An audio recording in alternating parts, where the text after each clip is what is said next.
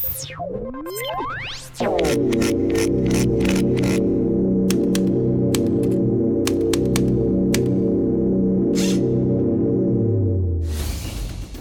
pozdravljeni v 15. epizodi počrtu podcasta. Z vami smo danes Anže Boščic, Lenard Kučič in Tajat Polovec.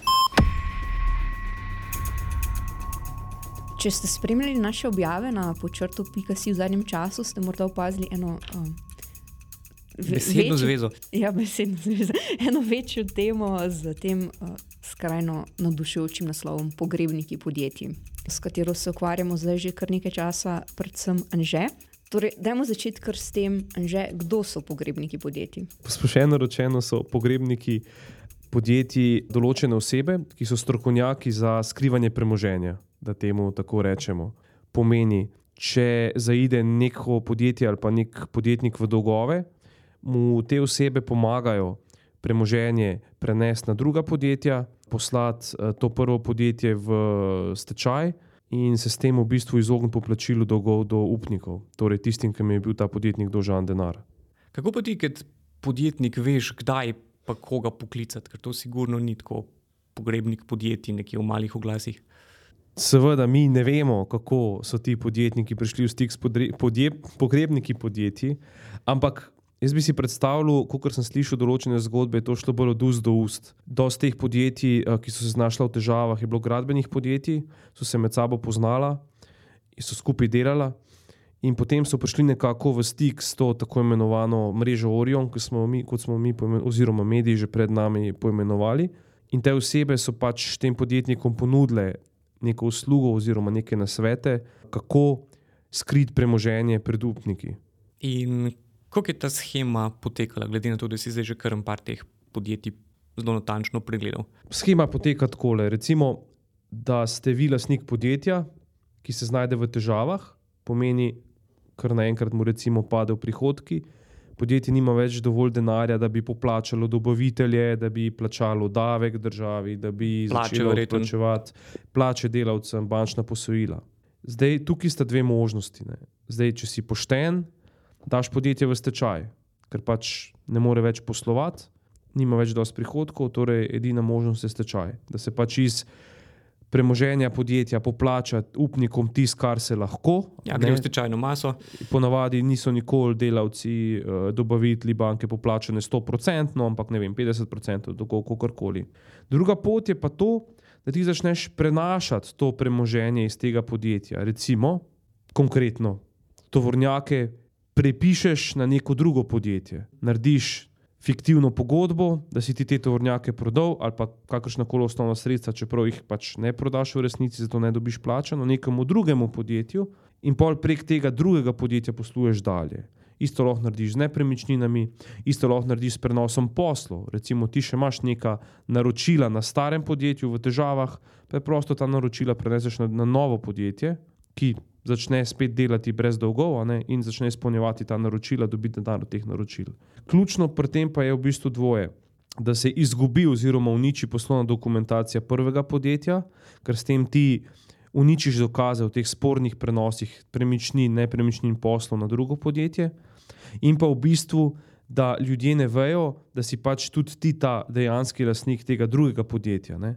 Zato se v bistvu tudi doskrat dejanski lastniki tega drugega podjetja potem niso znani. So recimo iz, iz držav, kot je ameriška zvezdna država Delaware, ki ne izdaja podatkov o končnih lastnikih podjetij. In ti lahko v bistvu svoje posle peleš dalje prek drugega podjetja, od prvega podjetja, ki je pa dejansko dolžno upnikom, ostane pa samo lupina in tukaj upniki ne dobijo pač nobenega denarja več. Ja, med branjem teh člankov snimam tako dve taki čist lajčni vprašanje. Eno je, izpostavljaš ta prenos, oziroma skrivanje ali uničenje ali karkoli poslovne dokumentacije, je prvi pomemben korak. Kaj je vse tam noter, da hočeš to skriti, pa uničiti? Pa kdo bi lahko, recimo, sistem pomagal, stečajni upravitelj ali, ali kdo? Ja, zdaj v praksi je tako. Ne? Recimo, ti preneseš posle z enega podjetja. Na drugega preneseš osnovna sredstva, kot se temu reče, nepremičnine. In ko stečajni uh, upravitelj pride v to podjetje, ne, to zadolženo podjetje, Zdaj, dokumentacije ni. Ne? Edino, kar je, so bančni spiski. Ne? On gre na banko in preveri, ne? in tam vidi, da okay, je podjetje A je nakazalo nek denar podjetju B.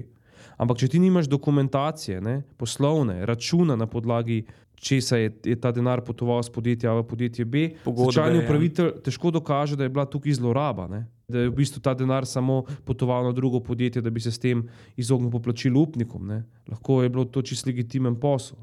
Ne ve, ne stečajni upravitelj. Zato je v bistvu in zato so pol tudi potem tako imenovane izpodbojne tožbe, ko poskuša v stečaju, recimo stečajni upravitelj, ta denar dobiti nazaj, da bi iz tega bili poplačeni upniki, so večinoma neuspešne lahko. Ne. Zato, ker v bistvu um, Ni dokazano. ni dokumentacije. Mhm.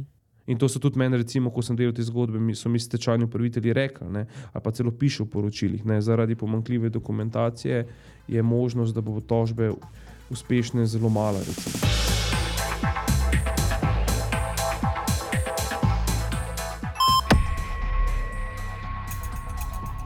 Zdaj, mi smo v temi pogrebniki podjetij vzeli podrobno gled 16 podjetij in pa posameznikov, ki jim naj bi mreža Orion, ki si jo ti omenil, pomagala pri skrivanju premoženja pred upniki.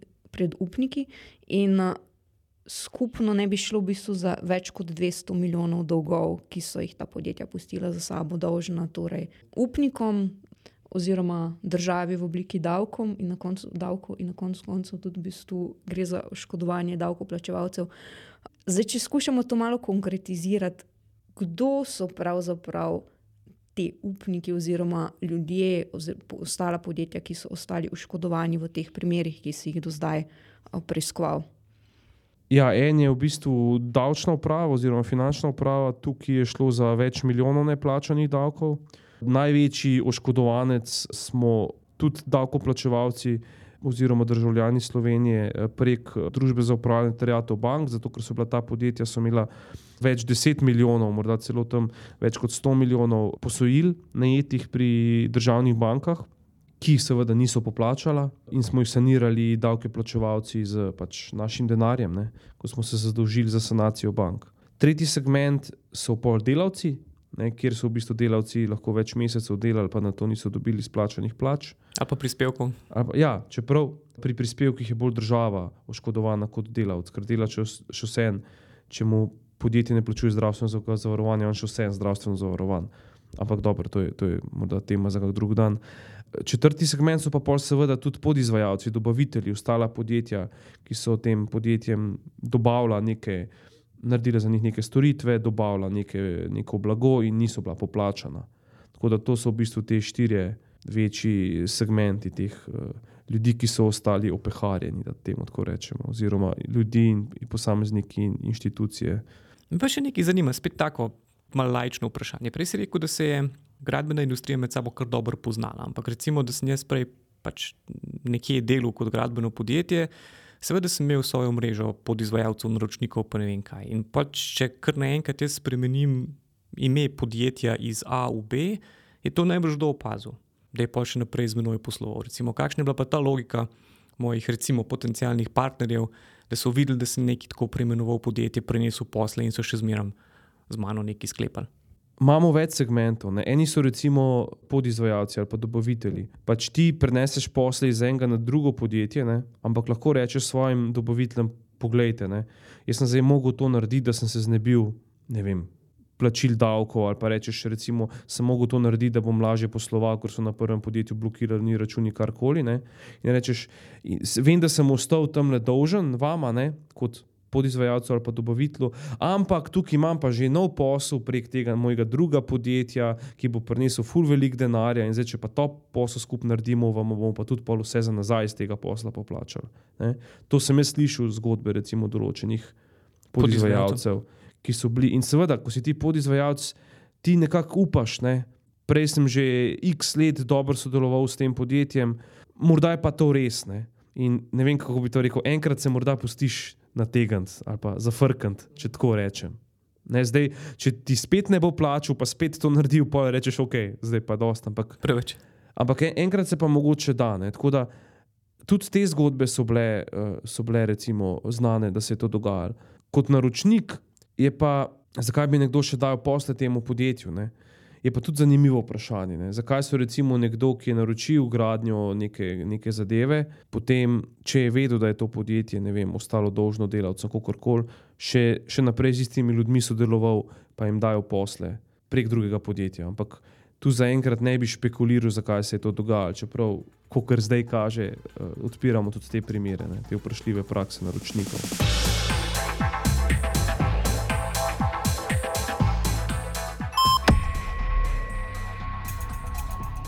Zdaj, če se preden se dalje spustimo v delovanje te scheme, vrnemo mogoče korak nazaj k pogrebnikom podjetij.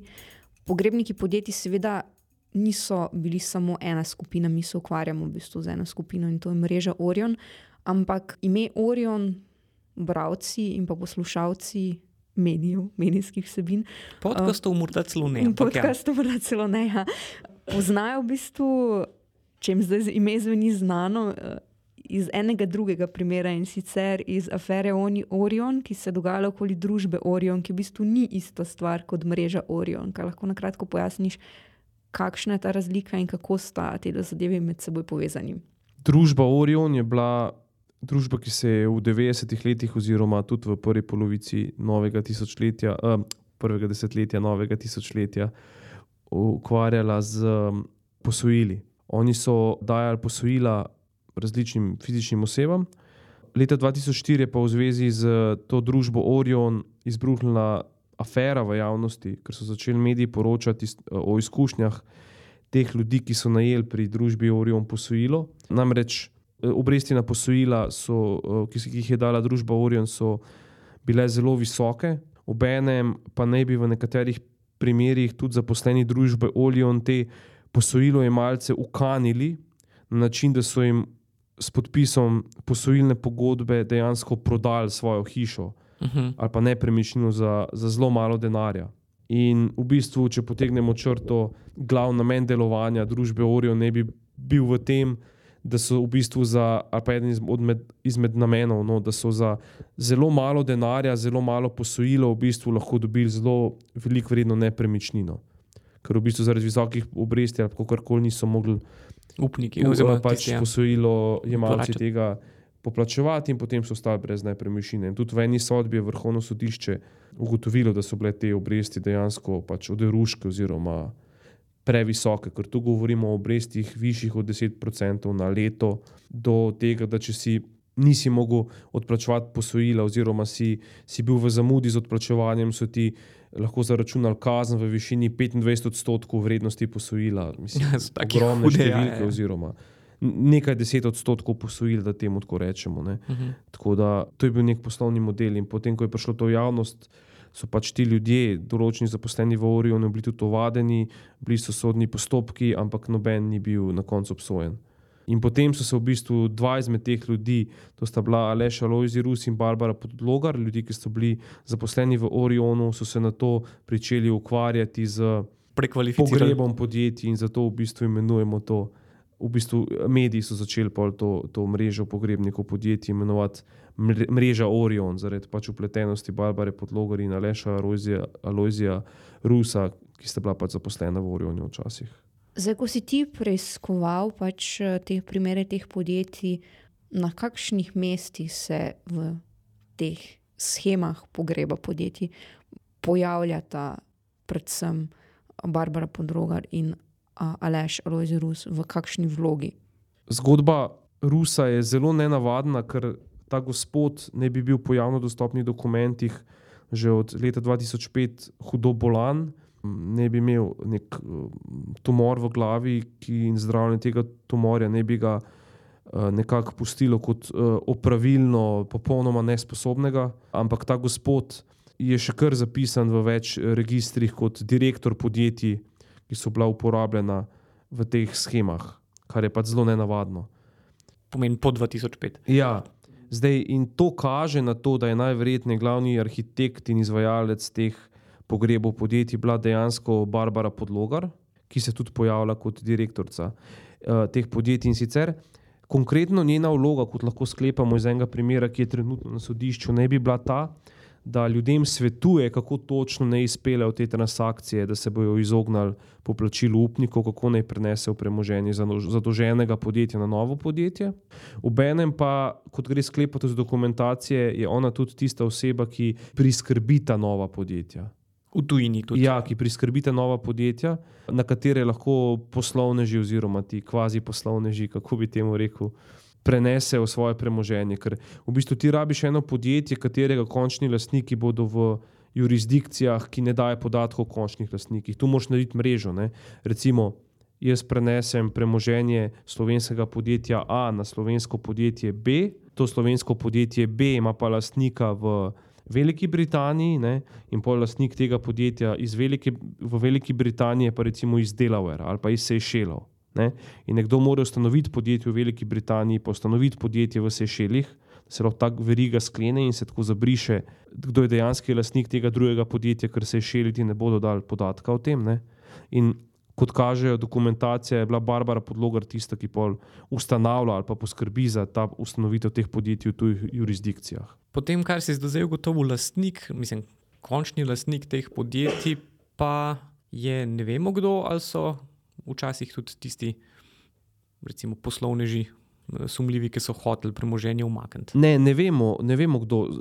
Sklepa se, da je dosti velika verjetnost, da so. Ne? Zato, ker doskrat ti podjetniki, ki so umikali premoženje ali na katerem visi sumikane premoženje, so pa tudi direktori teh novih podjetij, ne? lastništvo pa, pa ni znano. Ali po določenih uh, primerih, ki si tudi pisal, in, da so podpisali služnostne pogodbe za nepremičnine, za to smrtno uporabo s temi podjetji v Delaveru. Tudi, ja, to je recimo primer Ogrina, ki je pač prodal, ampak to se gre pa za posameznika, zadolženega, uh mhm. -huh. ki je prodal svoje, svojo hišo in stanovanje nekemu podjetju, ki se konča v de, lasniško konča v Delawareu. To podjetje mu je pa dalo dovoljenje, da te nepremičnine uporablja do smrti. Pač kjer podjetje bi kupilo tako nepremičnine, če jih ne yeah. Ja. more uporabiti, pa tržiti. Ne. Zdaj, seveda se pa kaj je tvoje vprašanje, tudi verjetno, kdaj pa se lahko razkrije resnica, kdo je za temi podjetji. Ja. To se pa lahko razkrije v primeru, kot so bili Panama Papers, kjer dejansko pridejo v javnost dokumenti teh družb, ki ustanavljajo ta podjetja v tujini, ki so specializirana za to, kjer pa recimo v njihovih dokumentih dejansko piše, kdo je dejanski lastnik tega podjetja na Sešeljih ali pa v Deloveru. Takrat pa pride to recimo v javnost. Ampak se to za našo zgodbo niti ni tako pomembno. Ne? Zato, ker tudi če nek podjetnik prenese premoženje na drugo podjetje, pa je samo direktor tega podjetja, on ima od tega korist, ker dobiva tam plačo, ne? kot direktor, ker vodi to podjetje dejansko. Ne? Tako da že tukaj ne, se vidi, da, da, da ima neko korist, tudi če, če se ne ve, ali je on dejanski lastnik.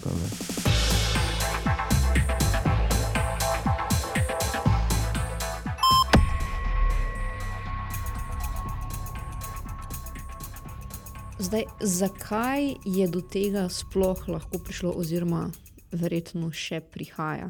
Ja, to se jaz skozi sprašujem med branjem člankov. Tisto, če poznamo te scheme, pa se še kar dogaja. Ne vem, še danes lahko, da zdaj pride do neke gospodarske krize. Je ista schema enako učinkovita danes, ki jo že poznamo, kot je bila recimo pred desetimi leti? Za učinkovitost te scheme so pač potrebni določeni pogoji. Ne?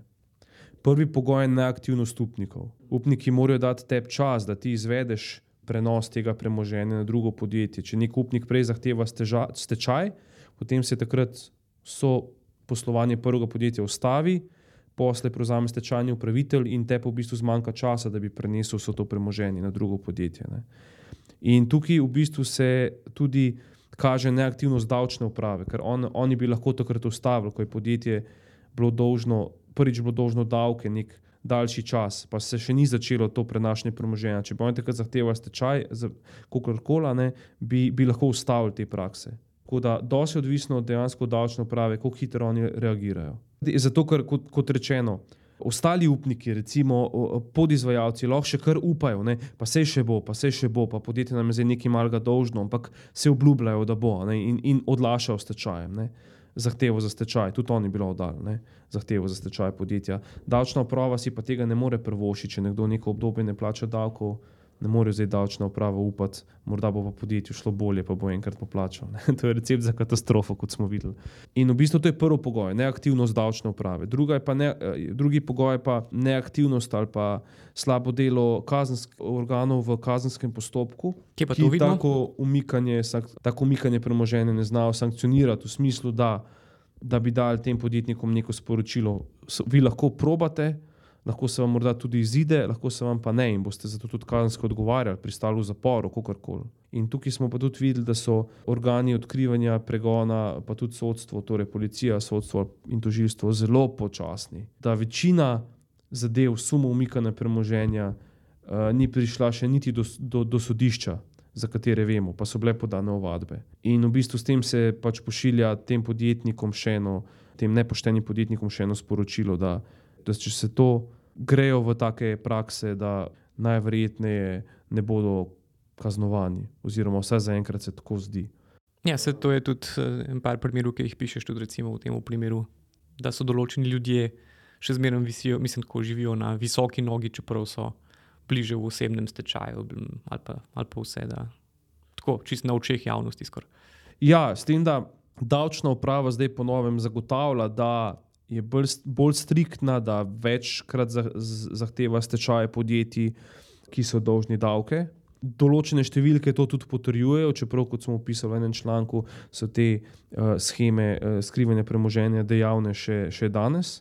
V sodstvu pa ne vidimo nekih sprememb na bolje zaenkrat, da bi se pač um, začeli bolj pospešeno in učinkovito in hitreje ukvarjati s temi problemi. Zdaj. Od teh 16 primerov, s katerimi se ukvarjamo, v tem v bistvu še niti en ni dejansko pravomočno končan. Najdlje pa je prišel ta primer inometala. Drži. Ja, drži. Ja. Zdaj, ta primer je poveden, zato ker ne bi se umikanje premoženja dogajalo 2011 oziroma do januarja 2012 in zadeva je pač 2019, zdaj na, na prvi stopni se v njej sodi na na Mariborskem sodišču, torej sedem let, ampak zdaj um, zadeve so že tam zapletajo zaradi domnevne bolezni enega izmed osumljenih, in v bistvu zdaj je sodišče tudi te um, izvedenca uh, imenovalo, da bo ugotovilo, da je ta človek res bolan, se samo izogiba. Sojenju, kot gre razumeti od, iz odgovorov sodišča, in pol, če pogledamo, da bo potem verjetno odločilo še više sodišče, lahko mine do, um, do sodbe še več let. Kar je pa tudi skrb vzbujajoče, je pa v procesih gospodarskega kriminala na sodišču, ki so morda povezani s takimi primeri, ali gre tukaj za vem, ponarejene dokumentacije, goljufije, kako koli, vidimo, da se tudi na sodiščih zelo zatika.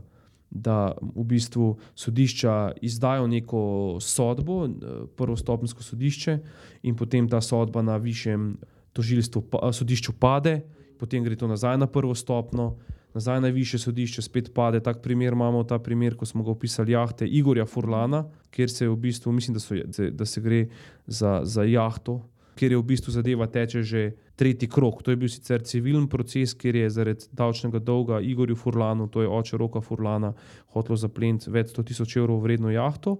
Na sodišču so dali pač tožbo za zaplembo te jahte, in potem je v bistvu vi, zadeva že teče že tretji krok. Torej, niže sodišče je sprejelo sodbo, višjo zavrnilo, niže spet sprejelo sodbo, višjo spet zavrnilo, in zdaj je spet na nižjem sodišču.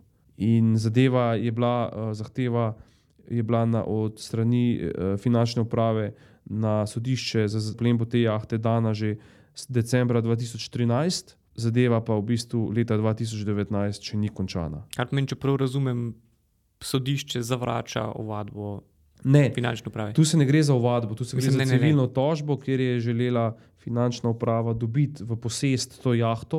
Uh mhm. -huh. ne, oziroma, se, da se vrne v stečajno maso, da se lahko iz tega poplača, s prodajo te jahte, poplača ta davčni dolg. In sodišče mora seveda o tem razsoditi, ali bo vzelo jahto in jo dalo finančni upravi, ali, ali ne, ne, da tako po domače, posplošeno povem. In sodišče o tem razsoja že še danes, ker je najprej niže sodišče odločilo, da neki in potem je više to zavrnilo, in spet niže, više, in zdaj spet na nižjem.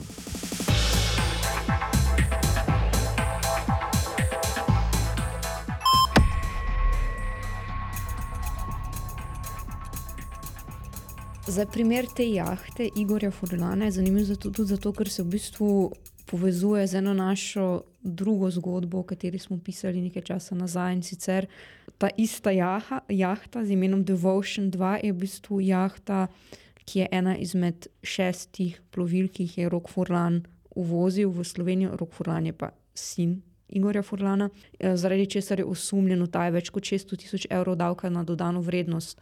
To je pa tudi še eden izmed postopkov, o katerih, o katerih smo pisali, ki dejansko niso bili končani. Zdaj, ko smo, ko smo mi v bistvu začeli objavljati članke iz teme o pogrebnikih podjetij, je v medijih, sicer in pa v širši javnosti, največ, največji odmev do zdaj doživel prav primer Furlan. Zakaj? Ta primer Roka Furlana je res zelo zanimiv, ker on ne bi bil, mislim, je bil upleten že v devet različnih kazenskih postopkov. Očitalo se mu je od napada na policista, kraje, zavarovalniške goljufije, davčne zatajitve, oškodovanje upnikov. In sedem izmed teh postopkov se je že končalo, bodi si z zastaranjem, bodi si z zavržbo ovadbe policijske, ali pa um, dva pa še tečeta. Ta v zvezi s sumom utaje davka pri uvozu jaht je bila, mislim, da naznanitev davčne uprave dana že 2010 na tožilstvo ne? in zadeva je v bistvu šele zdaj na, na obravnavi na Koperskem sodišču, torej po devetih letih, osmih, devetih letih. In zato je seveda tudi za javnost bolj zanimiv en tak človek, ki je bil v bistvu že v toliko postopkih, pa se, vsi, pa se niti en še ni končal, oziroma večina se jih je končala brez sodne obravnave. Zdaj, tako kot vedno poudarjam, lahko da je gospod Furlan nedolžen, on je trenutno pravno formalno nedolžen, ker ni bil še ničesar obsojen. Je pa zanimivo, da se je pač enemu človeku zgodilo toliko primerov, toliko postopkov ne? in kako so se ti končali, in zaradi, zaradi tega tudi vzbuja večjo zanimanje v javnosti, ker je res toliko postopkov proti njemu se je nabralo, od kazenskih do njegovega osebnega stečaja, kjer mu je davčna uprava ugotovila premoženje nepojasnenega izvora v višini okoli milijona evrov, in je potem šel gospod v osebni stečaj, in mu je bil zdaj marca letos ta dolg odpisan, ne, in zdaj je on uradno brez dolgov. Ja, in zato je verjetno tako zelo poveden prikaz nedelovanja državnih organov na tem področju. Tako bom rekel. Ne, ker se ne bi bilo nič narobe, če bi pač. Recimo, kazenski postopki gospoda Furlana prišli na sodišče in bi on razsodil, da on pač ni kriv. Ampak zdaj, če pa te zadeve zastarajo, ne, je pa to pač problem.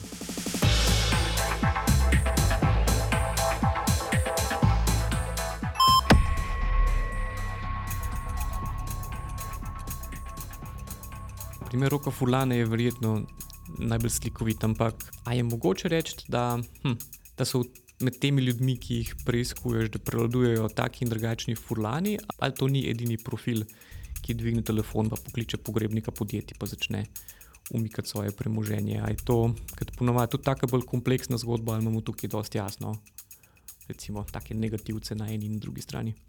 Trenutno, ko smo pač bolj podrobno pogledali par podjetij, ki so se uporabljala te usluge pogrebnikov podjetij, določeni ostala podjetja pa, pa imamo nek pregled, kaj so delali, ampak se jih nismo še tako podrobno preučili. Lahko rečemo, da je, da je tukaj moramo to razumeti kot nek, nek spekter. Da določena podjetja so bila že v času delovanja, recimo pred gospodarsko krizo, da to rečemo, upletena v zelo nenavadne, da ne rečem, sumljive posle. In so potem v tej gospodarski krizi šla v stečaj in pol uporabljati usluge pogrebnikov podjetij. Za določena podjetja se pa zdi, da so bila pred krizo neka bolj, da tako rečem, legitimna podjetja, ki so bila dejavna na nekem področju, na katerem so znala poslovati, da ne bom rekel, da so ga obvladala. Recimo, določeno imamo neko gradbeno podjetje, ki je dejansko gradilo stvari, bilo videno kot relativno znano podjetje, strokovnjak, in potem je šlo zaradi krize najverjetneje v stečaj in se pač uporabljalo to usluge pogrebnikov podjetij, podje, pogrebnikov podjetij in pričelo skrivati premoženje. Zdaj, seveda, noben ne more trditi, kakšno je bilo to poslovanje tega podjetja pred krizo, ali je bilo vse to tudi čisto ali ne, to se ne ve. Ampak moramo pa te dejavnosti razumeti kot ja, nek, nek spektr pač teh motivov, najverjetneje od zadaj. Je pa res, da to ni noben izgovor. Ne. Zdaj, tudi če si ti čist pošteno posloval, pa potem ti neki v, v poslu gre na robe ne, in ne moreš poplačati več svojih dolgov, je pač. Dino prav, kar lahko narediš, je stečaj, ne pa da začneš skrivati premoženje do tistih, ki si jim dolžen.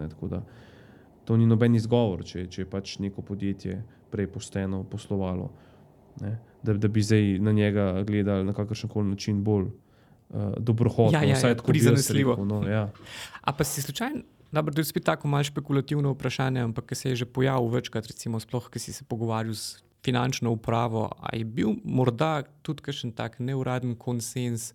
Da se podjetjem daje možnost, da se jih ne pošilja tako v stečaj, tudi zaradi tega se da bo pa pol boljš. Ker se mi je zdel, parkrat sem dobil tako občutek, no, da je to, da podjetje v stečaj v tej naši kulturi nekako zadnja možnost in se kar odlaša in odlaša in rešuje in čaka.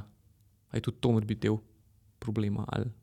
Del problema je definitivno, da se je odlašalo stečaj, tudi uh, na davčni upravi. Recimo, zelo zanimiv primer je recimo, Nemčija, kjer sem se pogovarjal s to vodjo zbornice stečajnikov v Nemčiji in mi je on rekel, da uh, v Nemčiji, ko podjetje recimo, ne plača davka, ne, zamudi s plačilom nekega davka, Če ga ne plača v šestih mesecih, je davčna uprava avtomatsko predlaga stečaj njihova, ni več trte mrte. Ne? Nobenih izgovorov več, pa se bomo, ne? pa se imamo naročila, ni več. Ne pri nam, pa kot smo že več let poročali, pač, pa nekako to ni način dela naše davčne uprave. Lahko podjetja so dolžna davek tudi več let, pa v bistvu jih davčna uprava ne pošle v stečaj. Zdaj, zakaj pa ne? to pa zaenkrat ne bi špekuliral. No, zato, ker dobro, pojavljale so se neke, uh, neki izgovori, da morda na davčni upravi ni dosti ljudi, ki bi se znali s tem ukvarjati, in, in da, da so imeli preveč, eh, da imajo preveč ostalega dela, oziroma lahko bi tudi rekli, da ja, ko je prišla gospodarska kriza, je bilo teh davčnih neplačnikov, to je poskočilo nebo in zdaj vprašanje, koliko so bili na davčni upravi na to pripravljeni, ampak to so samo bolj neke, neka ugibanja, kaj bi bil razlog za to. Je pa dejstvo, da da so meni, uh, sicer tega v zadnjih letih mi noče več potrditi, ampak mislim, da leta 2016, ko smo se prvič ukvarjali s tem vprašanjem, so mi pa rekli na davčni upravi, da se dejansko, da ne bi imeli premalo usposobljenih izterjevalcev davkov. Da bi lahko v bistvu učinkovito izterjevali davek od zadolženih podjetij. Ne? In to je tudi v bistvu računsko sodišče, pol v enem izmed revizijskih poročil izpostavilo, da je pač teh ljudi dejansko premalo. Da, da če pogledamo, nek davčni izterjevalec izterja na leto za več 100 tisoč evrov dodatnega davka, ne, davčno upravo pa njegova plača stane desetkrat manj, da bi bilo ekonomsko smiselno, da ima davčna uprava več davčnih izterjevalcev, kot jih ima zdaj ali kot jih je imela par let nazaj.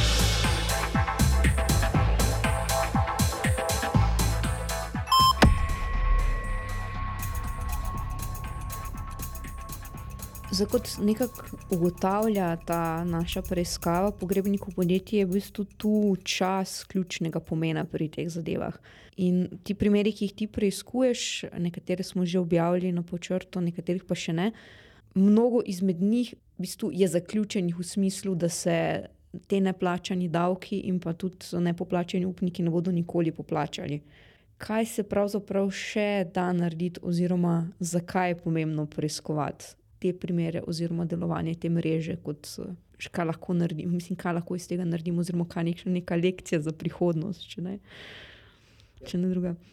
Lekcije je več. Ne. Prva je morda čisto poslovna kultura pri nas, ki se mora spremeniti, po mojem mnenju. Ne. Da tudi se morajo v bistvu podizvajalci zavedati, da pač, ko gre, ko eno podjetje ne plača, ne, da je težko, da ni najboljše, če mu kar verjameš na besedo da se bomo plačali. Ne, se čez ne vem, par mesecev še, pa dobimo nekaj denar, pa vam bomo plačali. Da za upnika ni dovolj samo upanje. Ja, zato ker pri nas se mi zdi, da je poslovna kultura, no, to sem tudi že večkrat slišal, je taka, da če pač te neko podjetje dolžno denar. Ma podjetje več, ima ta upnik več možnosti, se ni treba, da da to podjetje takoj v stečaj. Lahko se, recimo, eh, kot se temu reče, zaplombira neke nepremičnine. Reče, ok, zdaj pa boste videli nam kot garancijo, da boste poplačali ta davek, ki poteka na neko vašo nepremičnino. Ta, se- ta dolg, jaz se upravičujem, hipoteko na nepremičnino vašo, in če vi tega ne poplačate v roku leta dni, vam, vam mi zaplenemo to nepremičnino. Ne? Ampak v naši poslovni kulturi je to tako. Ne? Če bo podizvajalec to predlagal nekemu podjetju, bo to podjetje reklo: Čakaj, zdaj pa s tabo ne bomo več sodelovali, ker delati." imaš take nerealne zahteve. Čeprav to ni nobena nerealna zahteva, ker na zadnje je nekdo podizvajalcu dolžen denar. Ne? In je to nerealno, ne, da je nekdo ostane dolžen.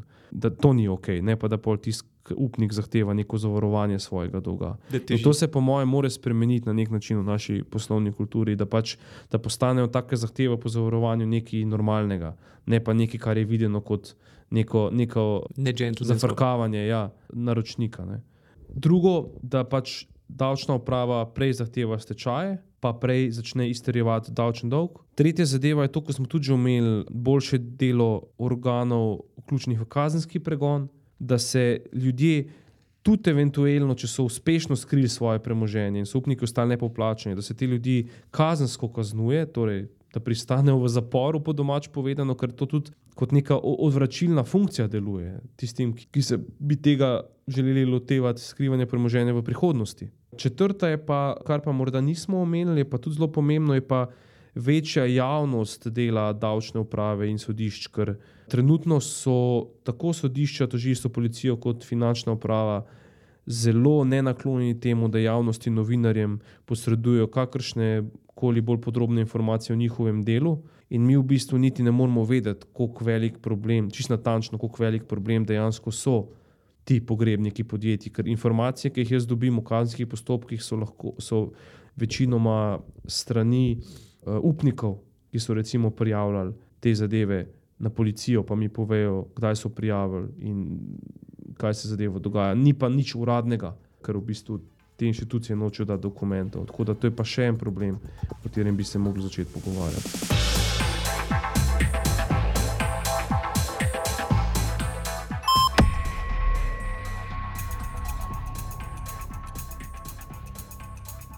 Zdaj ta tema preiskava pogrebnikov podjetij na primeru mreže Orion je v bistvu en nov tip projekta na počrtu, zaradi tega, ker ga delamo prvič v sodelovanju s Transparency International Slovenija, ki bo dejansko na podlagi naše preiskave ali pa potem, ko bo naš preiskovalni ta novinarski del zaključen, v bistvu opravila tudi svoj del. Um, mogoče, Anže, če ti razložiš, kako to sodelovanje pravzaprav poteka. To v bistvu ta projekt Pogrebniki podjetij je naš prvi projekt, ki smo ga izpeljali na ta način, torej v sodelovanju z slovensko sekcijo Transparency International, torej tega mednarodne nevladne organizacije, ki se ukvarja predvsem z bojem proti korupciji. In namen je, da pri počrtu raziščemo stvari po novinarskih standardih, da temu tako rečemo, potem pa da Transparency International pripravi dejansko neke predloge sprememb na bolje, torej kaj se more pravno spremeniti ali pa spremeniti v delovanju teh državnih organov, da bodo bolj učinkovito preganjali, preprečevali in sankcionirali dejavnost eh, pogrebnikov podjetij. Jaz to vidim kot eno zanimivo, zanimiv poskus, kako bi se v bistvu lahko dosegli še več sprememb na bolje skozi naše novinarsko delo, ker pač neka druga organizacija prevzame ta advocacy del, ta lobiranje Pritisk. za ja, ustvarjanje pritiska na način lobiranja, da se pač neke spremembe zakonodajne ali pa spremembe delovanja teh organov dejansko sprejmejo, izvedejo a na podlagi ugotovitev o pač nedelovanju sistema, ne, ki smo jih ugotovili na podčrto. Tako da bomo videli, kako se bo to izteklo, ne, kakšni bo končni rezultati tega.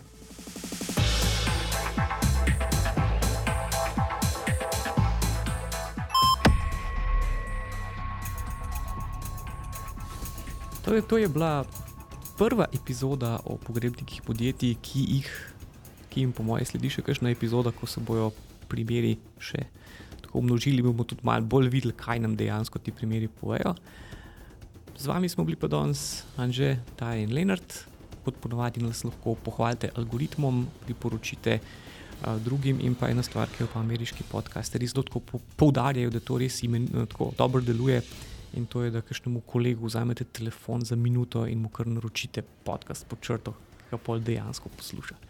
Preiskovalno delo na počrtu, tudi pripravo tega podcasta, omogočate bralci z donacijami. Podprete nas lahko na počrtu.si, pošiljka podpri. Hvala.